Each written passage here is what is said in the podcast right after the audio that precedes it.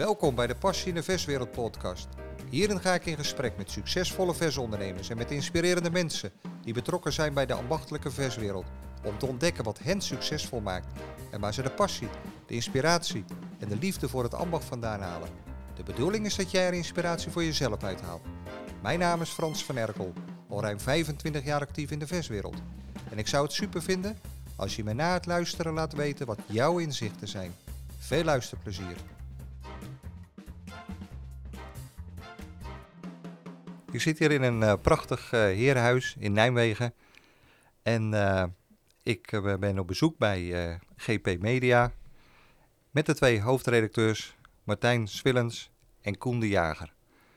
Martijn is onder andere hoofdredacteur van het Slagersblad, vakbladen. En Koen van het Bakkersvakblad. En nog wel veel meer, maar daar gaan we het zo over hebben.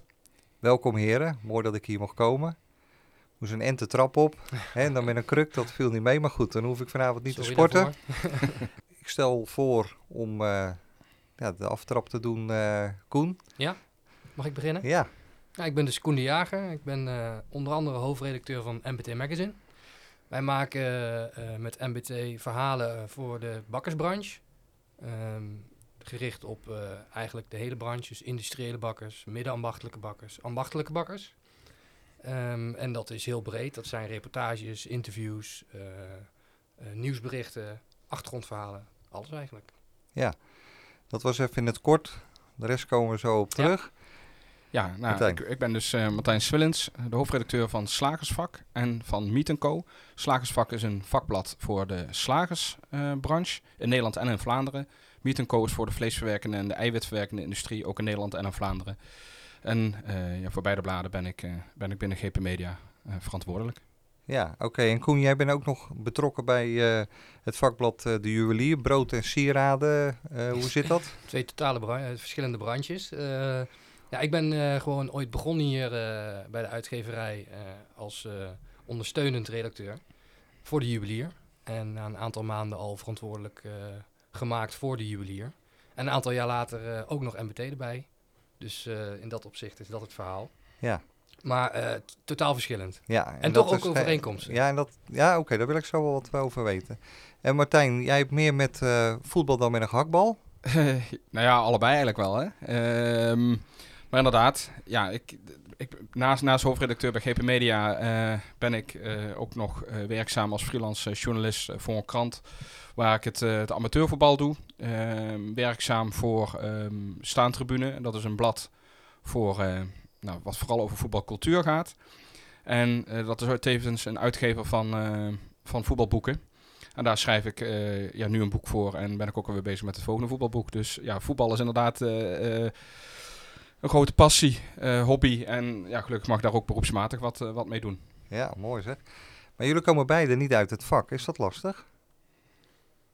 Nou ja, om voor mezelf te spreken um, kan ik zeggen van niet. Uh, omdat um, je ook op een hele andere manier um, naar een branche kijkt. Hè? Dus ook niet in één keer zeg maar de, de, blinde vlekken hebt, maar juist op, op, op een hele objectieve manier naar een bepaalde sector kan kijken, waardoor je bepaalde ontwikkelingen op een hele andere manier kan duiden dan wanneer je er middenin zit. En uh, ook met bepaalde strategische keuzes te maken hebt die je als hoofdredacteur niet hoeft te maken, omdat je het verhaal natuurlijk heel objectief kan aanvliegen.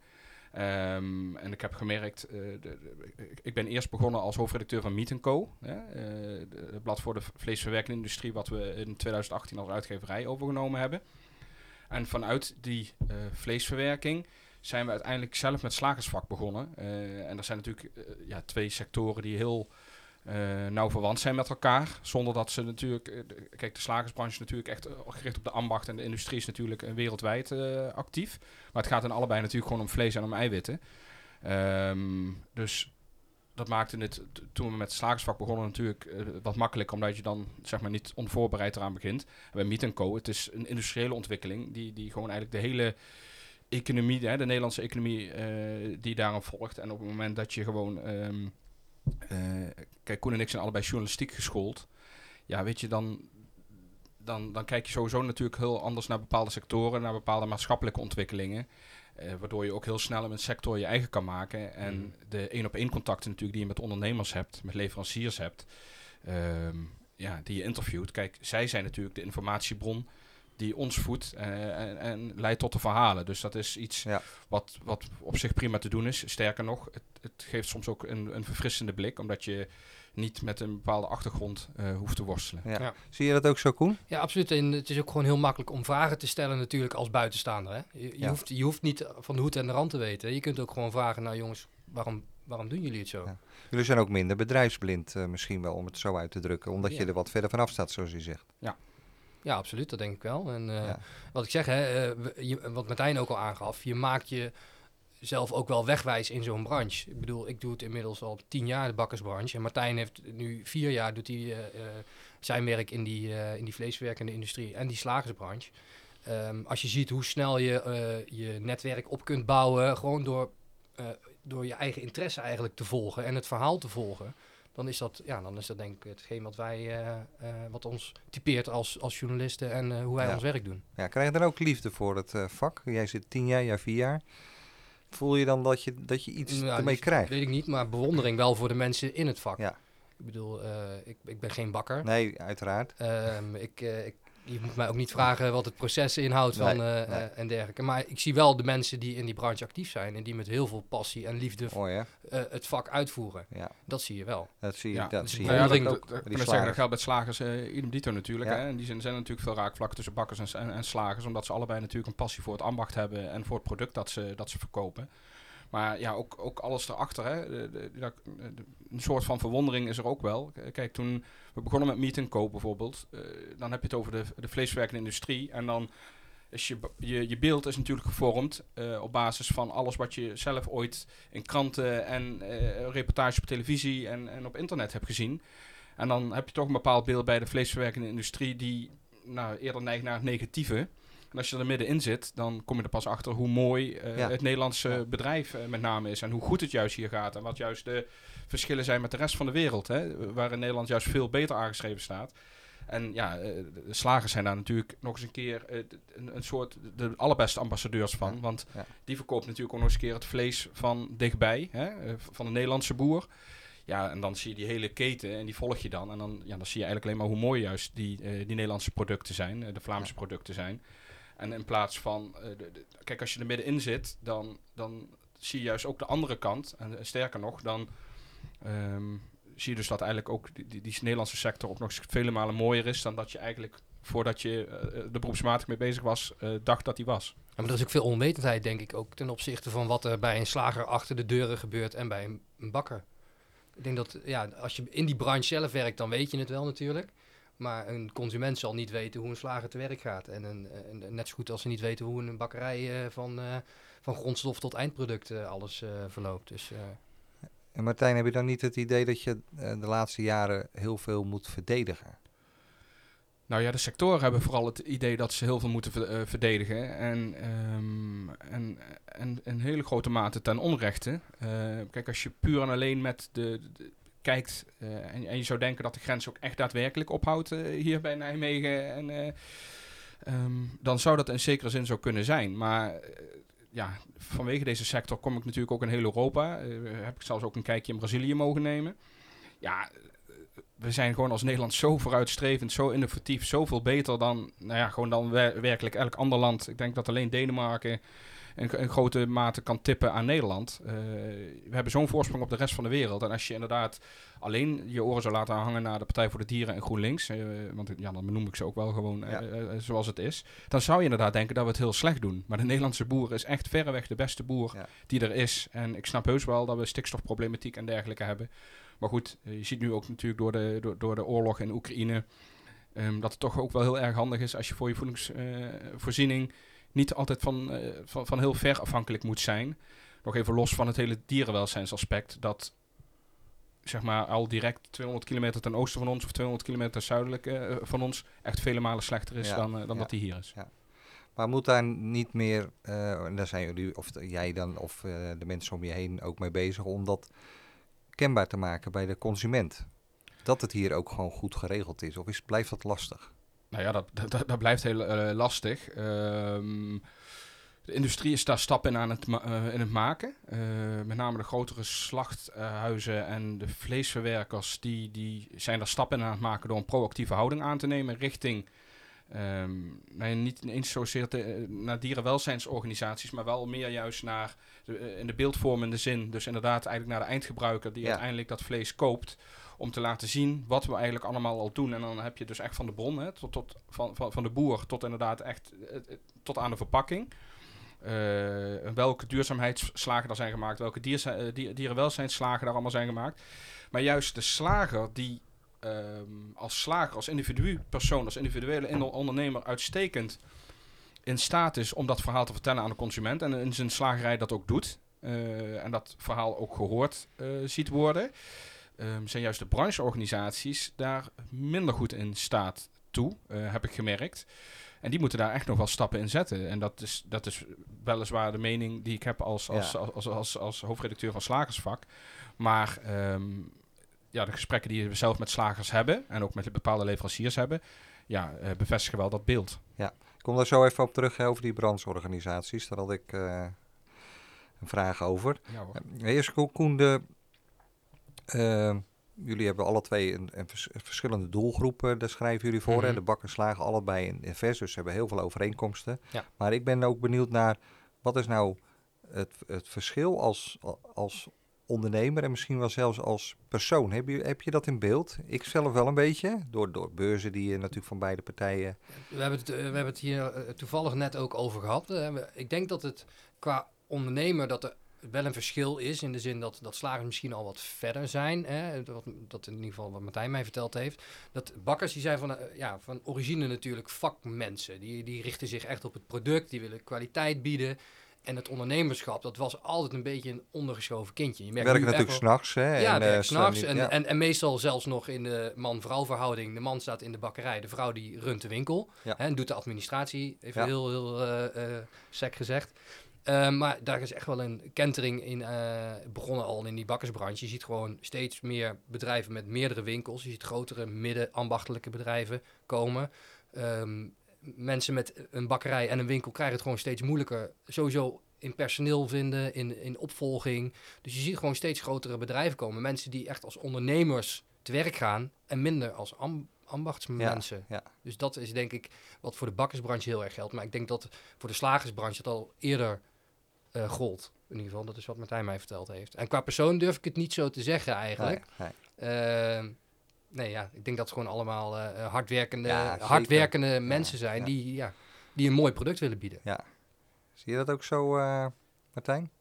Ja, nou ja, harde werkers zijn het zeker. Ja. Hè? Eh, dat, geldt voor bakkers en, en voor slagers. Ehm, en ik deel ook wel ehm, het verhaal van, van Koen dat de professionaliseringsslag in de slagersbranche net wat eerder gemaakt is. En dat zie je natuurlijk ook terug in de aantallen slagerijen hè, die er nu zijn. Hè. We zitten tussen de 1100 en de 1500 slagerijen, eh, afhankelijk van de definitie. Hè. Wanneer is er een voetwinkel, wanneer is er een slagerij. Ehm, maar je ziet dat eigenlijk alle slagerijen die we in Nederland nog hebben, inmiddels natuurlijk die kentering al gemaakt hebben. Hè, eh, en ja, die zijn allemaal best wel succesvol. En daar hebben ze natuurlijk door, door de coronajaren ook nog eens een keer hele mooie omzetten gedraaid. Waardoor Ja. ze dus nu ook een stevige basis hebben voor de Ja. komende jaren. Wat, wat, wat wel er- erg prettig voor ze is natuurlijk. Ja, ja zeker. Ik zou nog even terugkomen op die, eh, iets over die brancheorganisatie wat je noemde. Je schreef eh, onlangs eh, een kritisch artikel in Visie, dus de eerste pagina, aan het adres van de organisatie van keurslagers. Nadat Wakker Dier de prijs van grootste liegbeest van 2021 had uitgereikt aan deze organisatie. Was oprecht verbaasd en zelfs wat geïrriteerd. Eh, wat voor reacties krijg je op zo'n artikel? Wat roept dat op, eh, Martijn? Ehm, nou ja, negatieve en positieve reacties. Eh, nou ja, het, zal je niet verbazen dat de Vereniging voor Keurslagers natuurlijk zelf aan de lijn hing bij me. Die konden zich niet vinden in, in mijn visie. maar die was vooral gestoeld op het feit dat er een complete radiostilte kwam na het feit dat ze die uh, Liegebeest Award gewonnen hadden van Wakker Dier. Ehm, en dat vond ik heel raar, omdat, je, ehm, omdat Wakker Dier is een instantie die bij uh, bij uitstek er heel goed in slaagt om um, propaganda in te zetten voor hun eigen gewin. En het, wakker dier vindt dat elke vorm van vlees eten fout is. Dus als je vanuit die grondslag um, iets doet, dan is het heel belangrijk dat ook de mensen die kennis nemen van zo'n award, eh, die blindelings door alle media overgenomen wordt in het persbericht, hè, wat Wakker Dier zelf uit laat gaan, dan is het heel belangrijk om te weten dat het belang van Wakker Dier is om geen vlees te eten. Dus dat een slager per definitie een fout, een fout ondernemer is in de ogen Ja. van Wakker Dier. Maar als jij geen weerwoord daar tegenover zet, dan wordt snel, al heel snel iets voor waar aangenomen. En dat is wat ik ook eerder aangaf van de industrie is inmiddels stappen aan het zetten. Dat betekent een proactieve houding, transparantie, openheid van zaken. En dat betekent dus dat je in plaats van eh, je deur altijd dicht houdt, ook op gezette momenten juist de pers gaat uitnodigen voor ontwikkelingen die je doet op het gebied van dierenwelzijn. Op het moment dus dat je een, een, een slachthuis verbetert en dus met, met name het, het eerste stuk hè, van de stal tot, tot het moment dat, dat de dieren geëuthaniseerd worden, als je dat inzichtelijk maakt en laat zien dat dat Kijk, het, slagproces is nooit, is nooit een fijn proces, maar je kan dat wel op, een- op de meest eh, waardige manier doen. Ja. En op het moment dat je dat doet en je geeft mensen ook daar inzicht in, dan krijgen de mensen in ieder geval een gevoel bij. En met name de, de Nederlandse journalistiek, die daar ook helemaal geen weet van heeft, die moet je dus meenemen in je verhaal. En op het moment dat je verhaal goed is, en zeker je verhaal eh, goed is ten opzichte van de rest van de wereld, dan moet je dat al helemaal doen. Ja. En op het moment dus dat je als keurslager vindt dat eh, die Liegebeest Award eh, onterecht is, en je deelt dat wel naar je eigen leden van, ja, wat een onzin, die Award. Nou, draag dat eens naar, naar buiten Ja. uit en vertel gewoon eens een keer waarom dat onzin is. En niet, Wel een goede kans geweest. Dat was een hele goede kans Ja. geweest. En, eh, het, eh, en, en ik hoop dan ook altijd dat het tot een soort van kentering leidt van een meer proactieve houding. Want het gaat er niet alleen om dat je reageert op het moment dat je ergens van beschuldigd wordt. Maar het gaat er eigenlijk om dat je nog voordat je ergens van beschuldigd wordt, mensen al meeneemt in, in het proces. En een concreet voorbeeld kan ik daar wel eh, in noemen. Kijk, we weten allemaal twee jaar geleden waren een boksel natuurlijk die... die ehm, die dierenactivisten die daar een stal bezetten. En uiteindelijk na heel veel uren en heel veel praten eh, naar buiten eh, zijn gegaan en werden opgepakt en kregen allemaal, wat is het, eh, 40 uur dienstverlening. Ehm, maar dat was een van de redenen bijvoorbeeld voor, voor Van Drie, hè, een hele grote kalfslachter in Nederland, om te zeggen van wij gaan eh, een proactieve houding aannemen. Eh, we nemen de journalistiek al mee in alle processen die wij zetten. En daar is een half jaar geleden eh, bij een kalfs, eh, eh, kalfslachterij in, in Apeldoorn, toen vielen ook weer dierenactivisten binnen. Ehm, maar in plaats van dus dat eigenlijk het verhaal van die activisten verteld werd, eh, zag je in één keer toen overal in de media al terugkomen dat het activisten waren, dat het eigenlijk dat zij het probleem waren, dat die activisten een gevaar zijn voor de dieren, dat die activisten een probleem zijn voor de veiligheid. Ehm, dus die hele beeldvorming was weggenomen. En hoe kwam dat? Omdat Van, Drie al twee jaar lang bezig was om die journalistiek te voeden van... kijk, dit is waar we mee bezig zijn. Dus het verhaal van die dierenactivisten wordt eigenlijk ongeloofwaardig op een gegeven moment. Ja. Ehm, en dat is wat ik bedoel van... kijk, de Vereniging voor Keurslagers zijn met honderden slagerijen die daarbij aangesloten zijn.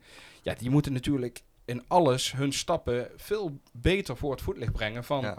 Van eigenlijk de consument, waarmee ze ook hun eigen slagers helpen. Want het is natuurlijk niet fijn als er geen weerwoord komt. En mensen komen wel bij een keurslager binnen en dan zeggen: Ja, hoe zit dat met jullie kip? Ja, ja. Dat, is niet, dat is niet fijn. Nee. Nou, dus, dus dat is een van de taken van, eh, van de hoofdredacteur, hè? Dat Nou, ja, je dus, dus daarop reageert, eh, op dat soort dingen. Dat je kritisch kijkt, denk ik. Ja, Ja. en ehm, ik ben ontzettend benieuwd, hè, dus naast dit soort dingen, j- jullie lezen veel, hè, eh, ja, op alle, op alle, op alle gebieden denk ik, hè, om informatie eh, binnen te krijgen.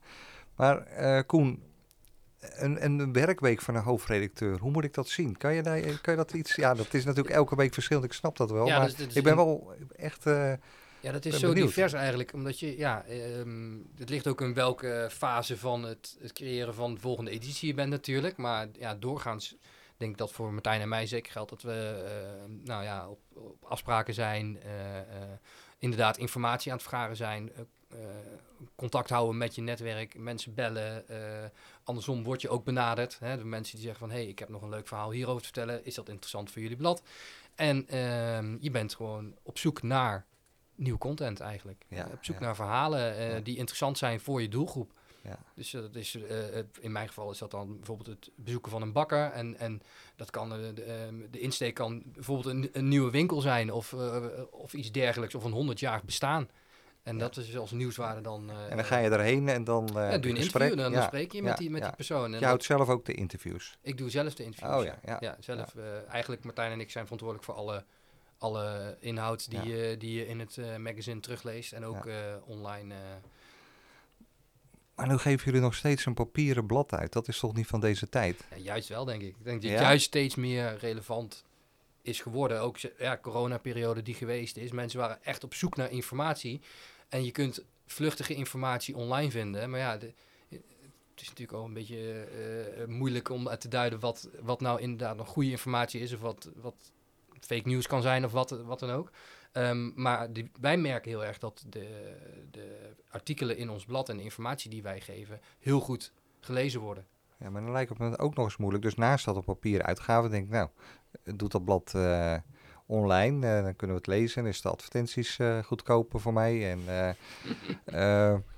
en je, bent niet de enige die een, een, blad uitgeeft voor zowel de slagersbrands als de bakkersbrands. Want die gaan misschien ook naar die winkel toe voor dat 100-jarig bestaan of voor die opening. Hoe, hoe werkt dat? Ja, ik kan alleen in, in dit geval voor mezelf spreken. Ik, dat ik niet zozeer kijk naar wat, wat de andere bladen brengen. Wat ik echt zelf probeer eh, eh, eh, ja, te maken wat, waarvan ik denk dat het interessant is voor onze doelgroep. Ik denk ook dat, je- dat je het niet moet zien als, als, als concurrentbladen, maar dat iedereen zijn eigen platform heeft gecreëerd door de jaren heen. En ook zijn eigen lezersdoelgroep denk ik wel heeft. En zijn eigen insteek daarin heeft. Met MBT hebben wij op een gegeven moment eh, eh, waren we heel erg op de eh, industrialisering ge- gericht en automatisering. Ehm, en dat is een hele andere insteek dan bijvoorbeeld mijn collega-bladen dat hebben. Dus eh, ik denk dat wij ons eigen platform daarin Ja. gecreëerd hebben. Ja, oké. En dat, dat, zo zie je dat ook, eh, Martijn, dat die, die, die, die papieren uitgaven, dat dat nog steeds interessant is voor die slagers. Bladeren die nog graag. Ja, nou ja, eh, ik, ik, ik zou bij- bijna willen zeggen, het zou fijn zijn als we hier een adverteerder bij, aan, bij aangesloten had bij dit gesprek. Want ja, de, de bladen landen gewoon enorm goed. Eh, de mensen krijgen er ook gewoon echt reacties op. Dus dus de, de verhalen die erin staan leiden ook gewoon tot concrete vragen bij een leverancier vanuit een slager. Van nou ja, eh, kom eens langs of eh, zou je ook voor ons eh, iets kunnen betekenen. En dat is natuurlijk de feedback die wij weer krijgen. En ja, dat is voor ons natuurlijk ook bewijs dat dat, dat, dat goed landt. Waarbij online voor ons ook een nadrukkelijke ondersteuning van de bladen is. Dus we zien dat ook niet als een, als een, als een vijand zeg maar, van, van een papieren uitgave, maar juist een hele goede ondersteuning. ehm, die ons ook de mogelijkheid geven om bijvoorbeeld ook al een vooraankondiging te doen van de artikelen die, die komen. Ja, maar die, eh, eh, is het ook niet lastig om eh, iedere keer zo'n blad weer vol te krijgen? Dat kan lastig zijn, ja. Ja, Als er eh, of Je- weinig ja, je moet gebeurt, of je hebt al veel, je hebt natuurlijk al, je geeft al jaren een blad uit en je wilt toch elke keer weer wat nieuws eh, verzinnen? ja, maar gelukkig gebeurt er ook veel in die branches. Ja. Waar wij, ik- bedoel, eh, in die bakkersbranches enorm veel eh automatisering, eh, slag die nu gemaakt wordt op alle niveaus. Personeel is gewoon echt een heikel punt. Ja. Eh, in, bij een industriële bakker mag je niet eens meer over een bakker hebben, maar is meer een operator. Die, moet- moet ook gewoon technische achtergrond hebben met het werk met, eh, aan die productielijnen. En in een ambachtelijke bakker, ja, het, bakkersvak is toch minder gewild bij jongeren. En ze zijn minder bereid om die nachten te werken. Hè. Die hebben de- meer ogen ook voor het sociale aspect van hun leven.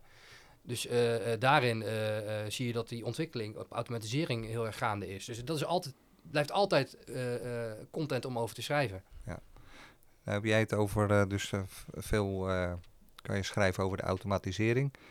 Eh, is dat in de slagersbranche ook zo of zijn er andere ontwikkelingen? Eh, nou ja, er wordt steeds meer conceptmatig gedacht. Hè? Dus eh, wat, wat slagers zelf doen is natuurlijk steeds vaker eh, op zoek gaan naar leveranciers die een beetje passen bij, bij hun eigen visie. Hè? Dus eh, de, de- direct kopen bij de boer hè, bijvoorbeeld. Hè?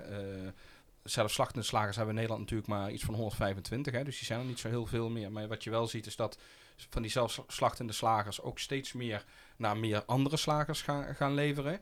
En ook het automatiseringsaspect gaat ook bij, binnen de slagersbranche steeds een grotere rol spelen. En dan moet je natuurlijk niet denken zoals in de industrie, hè, waar, alle, eh, waar men machines werkt en, eh, en waar er echt eh, eh, duizenden kilo's per dag eh, verwerkt worden. Maar wel een stukje automatisering, efficiëntieslag maken, minder personeel nodig hebben. Een slager die niet de hele dag meer achter in het atelier staat, maar juist veel meer aan de voorkant van de winkel staat om zijn klanten te helpen. En dat zijn allemaal processen. eh, die volop gaande zijn en die het dus ook wat makkelijker maken om die bladen goed te vullen. Omdat al die ontwikkelingen die vanuit eh groothandels, leveranciers, machinebouwers komen, ja, die weten ons natuurlijk ook te vinden. Ja. Eh, en eh, ja, dat maakt het schrijven erover natuurlijk ook een stuk makkelijker. Ja.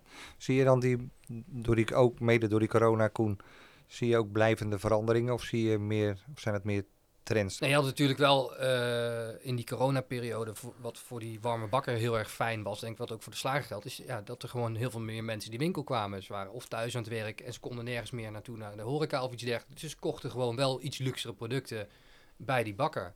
Dus in dat opzicht is het assortiment misschien wel wat meer uitgebreid. Zou En- dat, zou dat blijvend zijn? Eh, Wat, wat, hebben ze al een idee hoe dat gaat lopen? Of zeg je, het vlakt af? Ik durf dat op dit moment nog, niet zo, vroeg, goed- nog niet zo goed te zeggen. Nee, of nee, dat, nee. Maar ja, eh, het feit is wel dat die bakker heel erg geprofiteerd heeft, net zoals die slager, van die coronaperiode. En nu dat waarschijnlijk weer, zal het weer wat gaan afvlakken. Ja.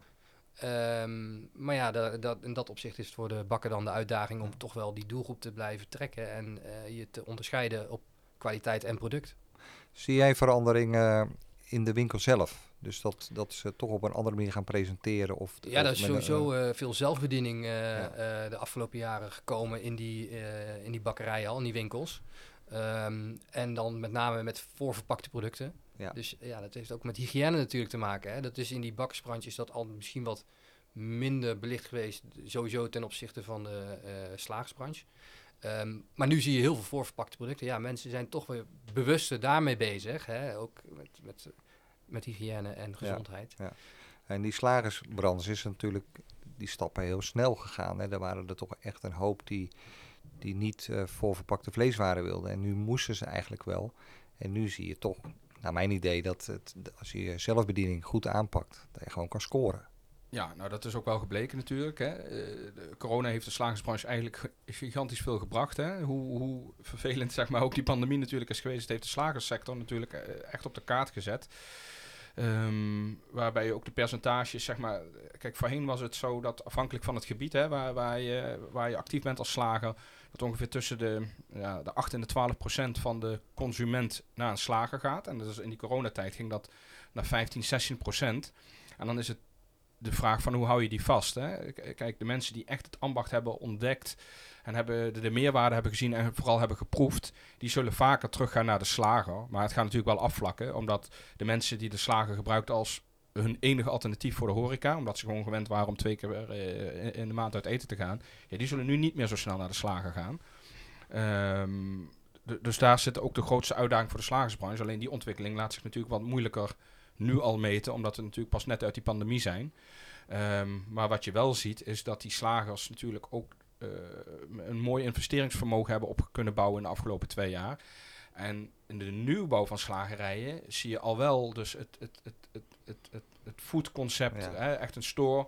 eh, wat je al zegt, hè, voorverpakte producten. Je gaat in één keer winkelen bij een slager in Ja. plaats van dat je even, even, even drie ons eh, vlees komt halen. Dat, dat, dat, zie zie je wel. En ook de ja.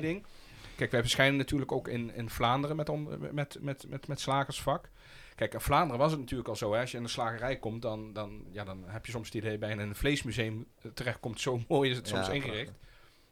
Maar je ziet nu inmiddels ook in Nederland dat ook steeds meer, eh, zeker alle nieuwe slagerijen, ook net zo mooi zijn als dat ze in België zijn. En dat kan alleen, je kan alleen zo'n luxe winkel hebben op het moment dat de consument bereid is ook om de prijs te gaan betalen Ja. die ze in Vlaanderen al heel graag, eh, of heel graag, maar in ieder geval automatisch al, al jarenlang betalen aan de, aan, aan de slagers. Ja, je ziet nu wel de ontwikkeling dat dat in Nederland inmiddels ook Ja. eh, begonnen is. Ja. Hey, en de, de noodzaak van samenwerking, Koen, Ja. tussen een bakker en een slager, vers ondernemer, hè, dat kan een kaas, groente, vis. De samenwerking met elkaar, hoe, hoe zie jij dat ook voor de toekomst? Is dat noodzaak of zeg je, joh, eh, ze moeten gewoon dat ding Ik denk doen? dat ze heel erg van elkaar kunnen profiteren natuurlijk. Eh, eh, zeker in, eh, in, in dorpen waar ze ook mm, eh, slagers en, en bakkers hebben. Want het geldt niet voor alle dorpen meer helaas. Maar dat ze enorm van elkaar kunnen profiteren daarin, ook qua doelgroep. Ja, ik, ik, zou het alleen maar toejuichen, maar ik denk dat het lastig is voor sommige ondernemers om samen te werken. Omdat ze zo erg op hun eigen onderneming gericht zijn. zijn ze ervan doordrongen. Wat, hoe zien jullie dat in de markt? Dat je, dat je dus, eh, dat je zegt, ik haal mijn eh, broodjes die ik eh, tussen de middag verkoop, die haal ik bij de bakker 100 meter verder. En de bakker zegt bij zijn Soesijze broodjes, Ja. ik haal het vlees bij de slager. Hoe belangrijk is dat voor de toekomst ook? Nou, je ziet, je ziet wel dat het besef natuurlijk al wel aanwezig is. Nog even los van het feit dat je natuurlijk ook al steeds vaker eh, bij, bij winkels komt waar een bakkerij en een slagerij echt naast elkaar of tegenover elkaar zitten. Dus dat ze elkaar ook opzoeken. Omdat zeg maar die klant die ehm, bereid is om wat meer geld uit te geven aan zijn vlees, ook bereid is om wat meer geld uit te geven aan zijn brood. En als ze naast elkaar zitten, dan is de drempel al helemaal weg. Want op het moment dat ze 100 meter van elkaar afzitten, dan is het toch soms van, nou, de auto kon ik wel kwijt eh, voor de deur van de een en niet bij de ander. Dus dan neem ik het alleen bij de ene mee. Maar de, de, de winkels die elkaar al hebben opgezocht, daar zie je ook gewoon dat ze ook extra eh, omzet eh, ze halen het niet bij elkaar weg, maar eh, eh, ze genereren juist extra omzet doordat ze naast elkaar zitten. Mhm. Dus ik denk dat, dat het besef bij, met name juist bij diverse ondernemers, vaak al wel aanwezig is. En, ze- en ehm, de noodzaak van, eh, van een versmarkt. Dus dat je echt bij elkaar zit. Of blijft dat lastig? Het is natuurlijk op sommige locaties is het gewoon heel erg moeilijk. En het blijven natuurlijk vaak wel eh, individuele ondernemers. Een Ja. ondernemer is vaak ook wel, wel eigenwijs. Mhm. Eh, hoe zien jullie de versmarkt in, eh, in Nederland? Dus waar je gewoon de vier, vijf eh, versgroepen bij elkaar hebt. Ja, ik moet zeggen dat, dat wat je zegt, dat dat toch lastig blijft. Want de meeste eh, ondernemingen, ja, die zitten al natuurlijk op een bepaalde plek. en ik zie niet zoze- zozeer dat daar veel ontwikkeling in is op dit moment. Nee. Ik weet niet hoe, hoe, hoe jij dat ziet, Martijn, maar... Nou ja, kijk, ik kom bijvoorbeeld zelf uit een dorp waar, waar letterlijk een, een, een driehoek zit van een, van een, ka van een kaasboer, notenboer, eh, slager en een bakker. Die zitten echt letterlijk binnen, binnen 10 meter van elkaar. En dat versterkt elkaar allemaal. Ja. Als je daar gewoon op een zaterdag kijkt met, met, met wat voor tassen mensen vervolgens weer naar een auto lopen, dat is, gewoon, dat is echt wel gigantisch. Eh, maar eh, kijk, je hebt sowieso natuurlijk een, een, een, een MKB-landschap in Nederland, wat natuurlijk steeds kleiner wordt. Hè. Je hebt natuurlijk gewoon inkrimpende eh, winkelcentra. Hè. Gewoon steeds minder kleine winkels en, eh, en groot winkelbedrijven die juist de, de randen van een, van een centrum of zelfs de rand van een dorp of eh, stad opzoeken. Ehm, maar juist delicatessen, juist vers, dat, dat is iets waarvoor je nog steeds het minder erg vindt om voor om te moeten rijden. En degene die echt eh, op dit moment bestaan. Kijk, als, je, als ik gewoon puur naar de slagerijen kijk, eigenlijk alle slagerijen waar ik tegenwoordig over de vloer kom, dat zijn bijna geen enkele klassieke slager meer zoals Nee. van, van 10 of 20 jaar geleden. Het zijn echt allemaal hele mooie winkels geworden, die gewoon hun plek in die gemeenschap hebben verdiend. En waar mensen gewoon heel graag naartoe gaan. En door corona ook nog eens een keer extra gevonden zijn ten opzichte van de jaren die daarvoor waren. Dus ehm, in ieder geval zeker voor de, ehm, de middellange termijn zie ik dat ook wel als heel gunstig. Het is alleen natuurlijk even de vraag hoe het groot winkelbedrijf daar natuurlijk ook weer een antwoord op gaat vinden. Ja. Want die hebben natuurlijk nu ook weer gezien dat ze een deel van de markt kwijt zijn geraakt. Ehm, Ja, dat was en die gaan daar ook- natuurlijk ook weer naar handelen om te kijken hoe, ze dat, eh, hoe ze dat stukje ook weer terug kunnen winnen bij diezelfde Ja, slager. Ja. dat was toevallig mijn volgende vraag over eh, de supermarkten. Die hou- houden jullie die goed in de gaten? En eh, zie je dat een bakker en een slager dat, dat ook doen? Of is hij nog te veel met zichzelf bezig? Eh, Het ligt aan de ondernemer, denk ik. Maar ik, eh, ik denk dat, eh, dat ze echt wel kijken naar wat die supermarkten doen. Ook qua eh, versconcepten. Eh, Kijk maar naar de grote supermarkten. Wat die eh, ook kunnen doen tegenwoordig met beleving in zo'n in zo'n supermarkt. Kan er veel van leren. Ja, ja, absoluut. Ja. Eh, eh, het afbakken van, eh, van brood eh, gebeurt al eh, voor de neus van de consument. En dat doet de bakker niet anders tegenwoordig. Maar is dat nou een, een kans of een, een, een gevaar, dat, de- die supermarkten? Zeggen joh, ja, ze worden natuurlijk steeds, ook steeds beter. Hoe, Een, een- ja. een supermarkt is altijd per definitie een gevaar voor een, voor een, een, een, een, een, een vers speciaalzaak. Ehm, maar de klant die bereid is om meer te betalen voor een goed product, die doet dat al bewust bij een slager, bij een notenboer, bij een kaasboer, bij een bakker. En die, ehm, en die pakt de supermarkt niet natuurlijk zo heel Nee. snel terug. Eh, sterker nog, je ziet ook heel vaak dat, dat een hele goede slagerij of een hele goede bakker juist heel dicht bij een supermarkt zit. Omdat, Mm. omdat mensen dan gewoon zeggen, nou, ik doe mijn gewone boodschappen doe ik bij die supermarkt. Eh, Ja. Maar ik, ik, ik ga voor, voor, mijn, voor mijn brood of ik ga voor mijn vlees, Ja. ga ik toch eventjes naar, naar Ja, de het is slager die ernaast goed om dichtbij te zitten. Dus je, Ja, moet, je ja. moet gewoon, je moet je gewoon jezelf kunnen profileren. Je, je moet de meerwaarde kunnen bieden. Ja, Eh, Vooral die kwaliteit. Waar een bepaalde groep mensen, Ja. een bepaalde groep consumenten gewoon eh, toe bereid is om daarvoor te betalen. En, ehm, en die groep is nog steeds heel groot in Nederland. Eh, en ja, tijdens corona is ook gewoon gebleken. Dus dat die groep zelfs nog groter is dan dat die voorheen eh, Ja. gedacht werd. Dus het is vooral zaak om die groep nu vast te kunnen houden en terug te laten komen naar je winkel. Mhm. Maar het is niet zo dat die groep nu in één keer weer terug gaat naar de supermarkt. Het is meer dat, dat, ze, dat de horeca nu weer eh, open is. En die groep die dus eerst het luxe vlees bij de slager haalde, nu gewoon weer zijn, zijn biefstukje gaat eten in het restaurant of in de lunchroom. Ja. Dat is het grote verschil. ja. Maar de supermarkt, ik denk dat ze heel veel van elkaar kunnen leren. Want je ziet ook dat gewoon de supermarkt natuurlijk ook afkijkt bij de slager en bij de bakker. Absoluut. Hoe je het concept moet, moet Nee, presenteren. zeker, ja, ja, ja. Krijg je nou, eh Koen, eh, inspiratie van die, van die groep, eh, van, de, van de bakkers? Gewoon persoonlijk ook? Ja, absoluut. Wat, eh, wat ik eerder al aangaf, zeg maar echt die passie voor, voor hetgeen wat ze doen. Hè. Ze zijn, sommige sommige eh, bakkers zijn zo begaan met het eindproduct wat ze maken. Ja. Die willen zo graag die hoge kwaliteit bieden die ze ook pretenderen te, te geven. En je ziet dat ze onderling zeg maar, in wedstrijden zelfs deelnemen. En dan willen ze altijd willen ze de beste zijn, het mooiste maken. En ze weten ook donders goed dat ze zich op kwaliteit moeten onderscheiden. Want wat je al aangeeft, die, die supermarkt die zit daar gewoon vlak achter. Hè? Ik bedoel, eh, ze ma die supermarkten maken gewoon een steeds beter product. Ook eh, die industriële bakkers die produceren enorme volumes, maar die pro- proberen ook echt wel het, de kwaliteit van het product hoger te maken of beter te maken. En die bakker moet zich gewoon blijven onderscheiden op dat gebied. We hadden het bij het begin erover, hè, dat jij dus ook eh, hoofdredacteur bent van, eh, en, en, en jij ook, en Martijn, van, van andere bladen. En pak ik er even eentje uit over de, de juwelier. Hè? Ja. Dat is natuurlijk een heel ander onderne- ondernemer. Die, die heeft misschien, ja, die zal ook passie voor zijn bedrijf hebben, maar passie voor zijn product zoals een versondernemer daar heeft. Er zit echt een heel groot verschil in, hè? Ja, en eh, buiten het feit dat een juwelier gewoon een luxe product verkoopt natuurlijk. Ja. Ik bedoel, eh, eh, ja, die moet het gewoon hebben van mensen die graag een mooi sieraad of een mooi horloge willen kopen. Of ja, natuurlijk, trouwringen is iets wat, wat Ja. op een gegeven moment iedereen misschien wel zal nodig hebben. Maar een luxe product verkopen is heel wat anders dan een eerste basisbehoefte. Maar dan komen jullie dus bij andere branches over de vloer, wat niets met food te maken heeft. Ehm, kan je daar soms wat mee voor de bakkersbranche of de slagersbranche?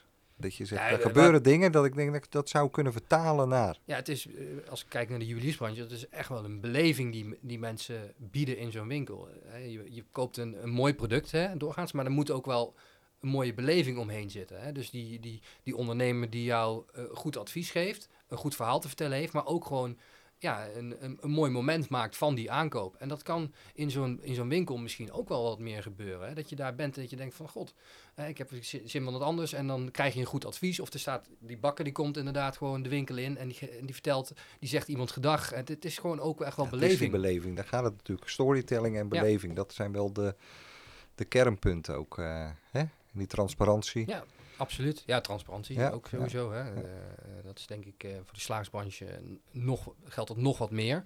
Maar ook in die bakkersbranche hebben we de laatste jaren nodige over ons heen gekregen. Of in ieder geval die bakker eh, met eh, eh, bijvoorbeeld keuringsdienst van waarde of wat dan ook. Die eh, eh, afleveringen maakt of er wel genoeg deze in een bezembrood zit en dergelijke. En dan moet die bakker elke keer dat verhaal wel kunnen vertellen. Ja. En dat moet in principe dan niet die winkeldame, die moet dat ook kunnen vertellen. Maar het zou ook fijn zijn als die bakker dan, of een van de bakkers, Ja. gewoon in de winkel aanwezig is. Om even te vertellen, jongens, dit is de- hoe wij het product maken. En dit is waar wij Heel voor staan. belangrijk. Ja. ja. Nou zijn, zijn we in een verwarrende tijd eh, terechtgekomen. We dachten corona achter ons te laten en dan eh, komt de oorlog eh, in de Oekraïne met alle gevolgen van dien. Hè. De prijzen stijgen de pan uit. Eh, de bakkersbranche eh, met het graan. Ja. Ehm, Heel groot probleem. we hebben personeelstekort. Hoe, hoe, ja, voor jullie is dit ook twee weken aan de gang. Ehm, hoe, werkt dat dan zo hier? Als, als al dat nieuws binnenkomt, je, je, je zal ook je zorgen hebben. Ehm, kan je daar iets over vertellen? Nou, als ik dan naar mezelf kijk, zeg maar, eh, op dit moment, hè, die, het begon al met die, eh, met die energieprijzen die enorm eh, de lucht inschoten. En nou ja, bakkers die, die, die bakken nog steeds in ovens die op gas, eh, die meestal gas gestookt zijn of olie gestookt. Dus daar lag al een heel groot probleem. Maar nu die graanprijzen ook zo hard gaan stijgen, eh, wordt, dat, wordt dat wel een ding. En je leest het ook nu gewoon in, eh, in al landelijke media, de mainstream media. Bakkers die al roepen van, nou, jongens, verwacht maar, dat brood wordt gewoon twee keer zo duur. Dat wordt dadelijk, ga je 5 euro betalen voor een brood. Nou, dat zijn toch wel dingen waar je een paar weken geleden niet van gedacht had dat het kon. Laat ik het zo zeggen. En het is natuurlijk ook wel, Nederland is niet geheel afhankelijk van het graan vanuit Oekraïne en Rusland. Maar andere landen weer wel, in het Midden-Oosten en in Azië, die halen daar wel doorgaans hun graan. Ja. En als die dan op de markt komen waar Nederlandse bakkers en eh, of grondstofleveranciers hun, eh, hun graan halen en hun eh meelproducten, dan, dan krijg je wel een, een prijsstijging die je gewoon door moet berekenen. Heb je al bakkers eh, gesproken de afgelopen weken hoe die op het moment erin staan? Hoe zien ze de, de toekomst tegemoet? Ja, die, ik heb ze zelf nog niet gesproken. Maar daar ga ik natuurlijk wel eh, eh, de komende tijd achteraan. Om, om die mensen gewoon ja, wel te spreken over hoe zij dit zien. Ja, ik denk dat dit- iedereen op dit moment gewoon echt afwachtende is. Van ja, jongens, wat gaat er gebeuren? Ja. Hè, eh, ehm, het is natuurlijk zo dat eh, die, eh, die prijzen liggen voor een deel vast. Hè. De meeste inkopen worden vooruit gedaan.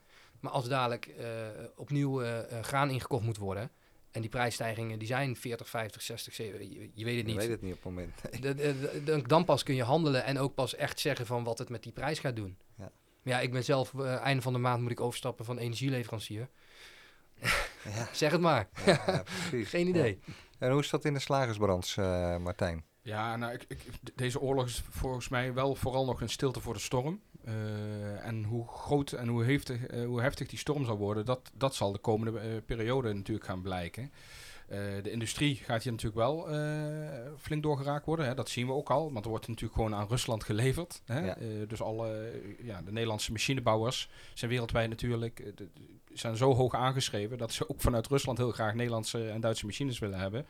Ja, daar valt gewoon 10% van hun potentiële afzetmarkt, die valt weg. Voor de slagers is het met name zo dat, dat graan natuurlijk vooral een veevoerproduct is. Ja. Ehm, ja, dan zul je dus voor, naar, naar alternatieven moeten, moeten gaan kijken. Eh, maar uiteindelijk gaat die prijsverhoging natuurlijk wel doorberekend worden in, eh, de, Ja. de- de- in het vlees.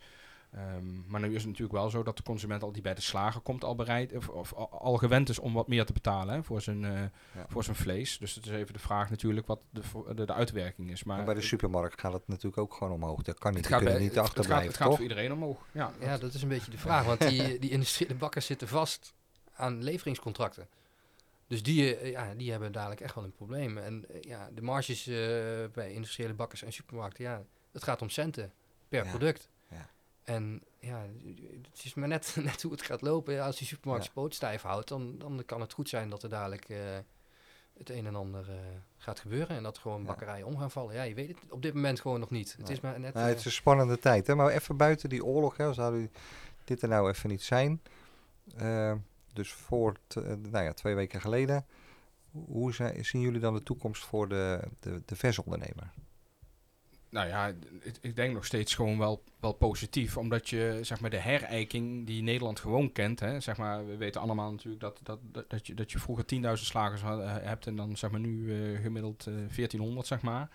Ja, dat zijn natuurlijk wel enorm andere tijden geworden. Maar diegenen die er nu zitten zijn vaak hele stabiele en, en sterke ondernemers. Die eh, echt al gewoon werken met, met, met, met een goede calculatie, begroting. Precies weten wat er, wat er op een jaar gescoord moet worden. Constant op zoek zijn naar nieuwe producten.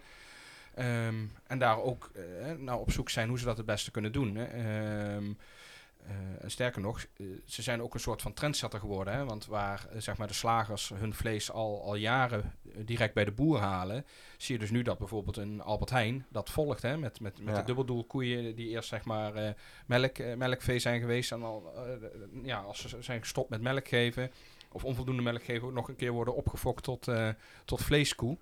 En, eh, maar wel van dichtbij, hè? Dus, dus een Nederlandse koe. Ehm, dus dan zie je dat er bijvoorbeeld de retail, de, ehm, eh, in dit geval het, sla eh, de- het slagerskanaal achterna loopt. Eh, en dan is het vervolgens dadelijk weer aan, aan de slager om daar weer op, op een andere manier op in te spelen. Ja, ja. Hey, en voor, voor de bakkersbranche, eh, is er straks eh, is er nog een bakker om de hoek? Ja, absoluut. Ja? die, gaat, die, die gaat echt niet zo snel verdwijnen. Nee. Dat, dat geloof ik niet. Ook omdat er zijn echt heel veel stabiele bedrijven. En er zijn gewoon eh, eh, enorm goede bakkers nog steeds in Nederland. Ja. Ze maken mooie producten. Ja. En er zijn altijd mensen die kiezen voor een kwaliteitsproduct... als wat je bij de ambachtelijke bakker kunt krijgen... ten opzichte van de supermarkt. Heel veel mensen kiezen voor gemak om bij de supermarkt te kopen. Als je s'avonds om 7 uur nog ergens wat brood moet ha- halen... ja, dan ben je overgeleverd gewoon aan de supermarkt. Zo simpel is het ook. Maar nee, die, eh, die ambachtelijke bakkers die blijven echt wel bestaan. Alleen je zult daar ook weer een schifting in zien van grote bakkerijen, misschien met meerdere winkels, die nog wel op ambachtelijk niveau produceren. Maar ja, dat, dat zal een beetje, denk ik, het beeld gaan worden, dat je dat steeds meer ziet. En, en, en eh, eh, een bakker met, met één, twee winkels kan ook heel goed, heel goed overleven. Hoor. Die, eh, die hebben nog steeds een goede boterham te eten. Dat, Ja, dat, kun- precies. dat kun je aannemen. Nou, mooi. Ik heb eh, hebben een inkijkje gegeven in het leven van een hoofdredacteur. En dat daar, ook, al, ook al kom je niet direct uit het vak, dat je nou ja, da- daar uiteindelijk toch vanzelf in gaat komen. En, en ook enorm eh, gepassioneerd naar kan kijken. En dat je zelf gepassioneerd raakt door eh, hoe die ondernemers dat allemaal doen. Eh, ja, voor jullie natuurlijk ook, met alles wat gaande is, is er gewoon veel schrijfwerk eh, Ik blijf genoeg voor de, schrijven, de- ja. te Gelukkig ja. wel, schrijven. Er- er, komt, er komt genoeg op jullie af. En ik, ik, ik had niet zo dat idee daarin, maar ik vind het wel mooi om eh, te horen. En ik denk eh degene die de podcast luisteren ook. Ehm, ja, ik wil jullie super bedanken voor eh, dat ik hier mocht komen. ik weet dat het leven van een hoofdredacteur natuurlijk ontzettend druk is. Ik weet niet wanneer dat de deadlines weer zijn. Ik heb hem over drie weken. maar- Ja, die voor mij toevallig volgende week de woensdag. Maar hoe, hoe gaat het, hè? Want dat woord deadline, dat is natuurlijk echt een woord voor uit de journalistiek. Hoe, nog even aan, aan het slot, hoe moet ik dat dan zien? Wat, wat, hoe gaat dat dan hier? De deadline is sowieso hard in ieder geval. Dus, eh, de- Ja, maar hoe moet ik dat? Je, hebt natuurlijk, ja, dat klopt, maar je hebt dus, nou, geloof twee maanden de tijd hè, om het eh, b- blad ongeveer. En dan nou, ben je hier eh, in dit pand. En wat, wat, wat gebeurt er dan als die deadline er is? Is er dan een soort hectiek? Het ligt, ligt, ligt eraan, ja. Het ligt aan de persoon natuurlijk, die eh, wie deadline heeft. Maar eh, je merkt wel meestal aan degene die eh, deadline heeft, dat hij een deadline heeft. Die is gewoon wat drukker. Ja, die is op en neer aan het lopen. hè. Die loopt naar de studio toe om nog wat laatste correcties door te voeren in het, in het blad. Er wordt nog druk gebeld, eventueel om een advertentie te verkopen. Je bent zelf nog heel erg druk, want op het laatste moment komt er natuurlijk van alles nog binnen wat mee moet. En jullie, contro- jullie geven uiteindelijk de klap erop, zo mag die gedrukt worden. Ja, Jullie controleren hem, Ja. hem Ja, door, bladeren hem door. nog, nog één keer terug van de drukker als een soort proefdruk. Dus Ja? dan, en dan, dan geven wij eh, inderdaad definitief... Dat is altijd een spannend moment. Ja, maar- ik kan me voorstellen. hè. Zo, zo heb jij dat ook. En jij bent Ja, ook met meerdere dingen En we, bezig, en we hebben natuurlijk meerdere redacteuren, dus, dus vaak kijkt er ook nog even eentje die eigenlijk helemaal niks met het blad te maken heeft. Die kijkt met een hele verse blik ernaar, omdat je natuurlijk de, artikelen die je zelf geschreven hebt, daar ben je soms een beetje blind hè, voor bepaalde tekst Ja. of voor, voor bepaalde eh, fotografie. En daarom hebben we altijd nog, eh, zeg maar, nog een, altijd een collega die daar Ja. ook nog eventjes eh, meekijkt en daar meestal de kleine foutjes nog eventjes uitpikt. Ja. Maar het, het zijn wel werkzaamheden die redelijk goed planbaar zijn. Natuurlijk is de laatste week altijd wat hectisch, hè, omdat er altijd nog wat dingen moeten of dat er nog even eh, de verkoper ook zegt, ik heb nog even een advertentie verkocht, maar ja, die, die, die krijgt er nog wel redactie bij en dan moet dat nog gemaakt worden eigenlijk Oh ja, na, na ook de deadline. Eh, Ook nog. dus dat, dat heb je soms nog wel. Maar over het algemeen is het redelijk planbaar. Kijk, Ja. op het moment dat we echt eh, de reportages die ik maak in de bladen, ja, die ga ik niet allemaal in de laatste week plannen. Nee, Kijk, nee, op het moment dat je zeg maar gemiddeld eh, zes tot acht weken voor een uitgave hebt, afhankelijk van welke tijd van het jaar dat je zit, dan, eh, ja, dan plan je met name de grote verhalen ook het liefst aan het begin van die zes tot acht weken. Ja, ja. Zodat je ook een langere uitwerktijd hebt en ook degene waar, die je hebt geïnterviewd ook wat langer de tijd heeft om dat nog eh, na te kunnen lezen. eh, zodat het verhaal ook altijd wordt, eh, eh, ja, zodat iedereen daar tevreden over is. Ja. Dus, dus vooral een kwestie van goed plannen. Nou, mooi. Ik vond het gaaf om met, eh, met twee bevlogen redacteuren te spreken die eigenlijk niet eh, uit de branche komen. Ja, zo er wel in geraken en hun verhaal hebben gedaan. En eh, daar wil ik jullie eh, nogmaals hartelijk voor bedanken. Nou, jij ook bedankt eh, voor je aanwezigheid. Ja, graag gedaan. Super dat je weer luisterde naar deze podcast. Het is eenvoudig om een review achter te laten als reactie op deze aflevering. Ga naar je podcast-app en klik op reviews en laat bijvoorbeeld 5 sterren achter. En wil je in het vervolg alle afleveringen overzichtelijk onder elkaar? Abonneer je dan op deze podcast. Klik in de podcast-app op bijvoorbeeld iTunes of Spotify op de button subscribe of abonneren en je ontvangt automatisch een bericht als er een nieuwe aflevering verschijnt. Ik kijk er naar uit om berichten te ontvangen met vragen en suggesties.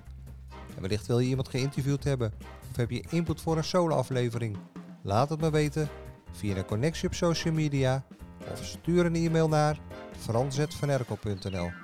Graag tot de volgende aflevering.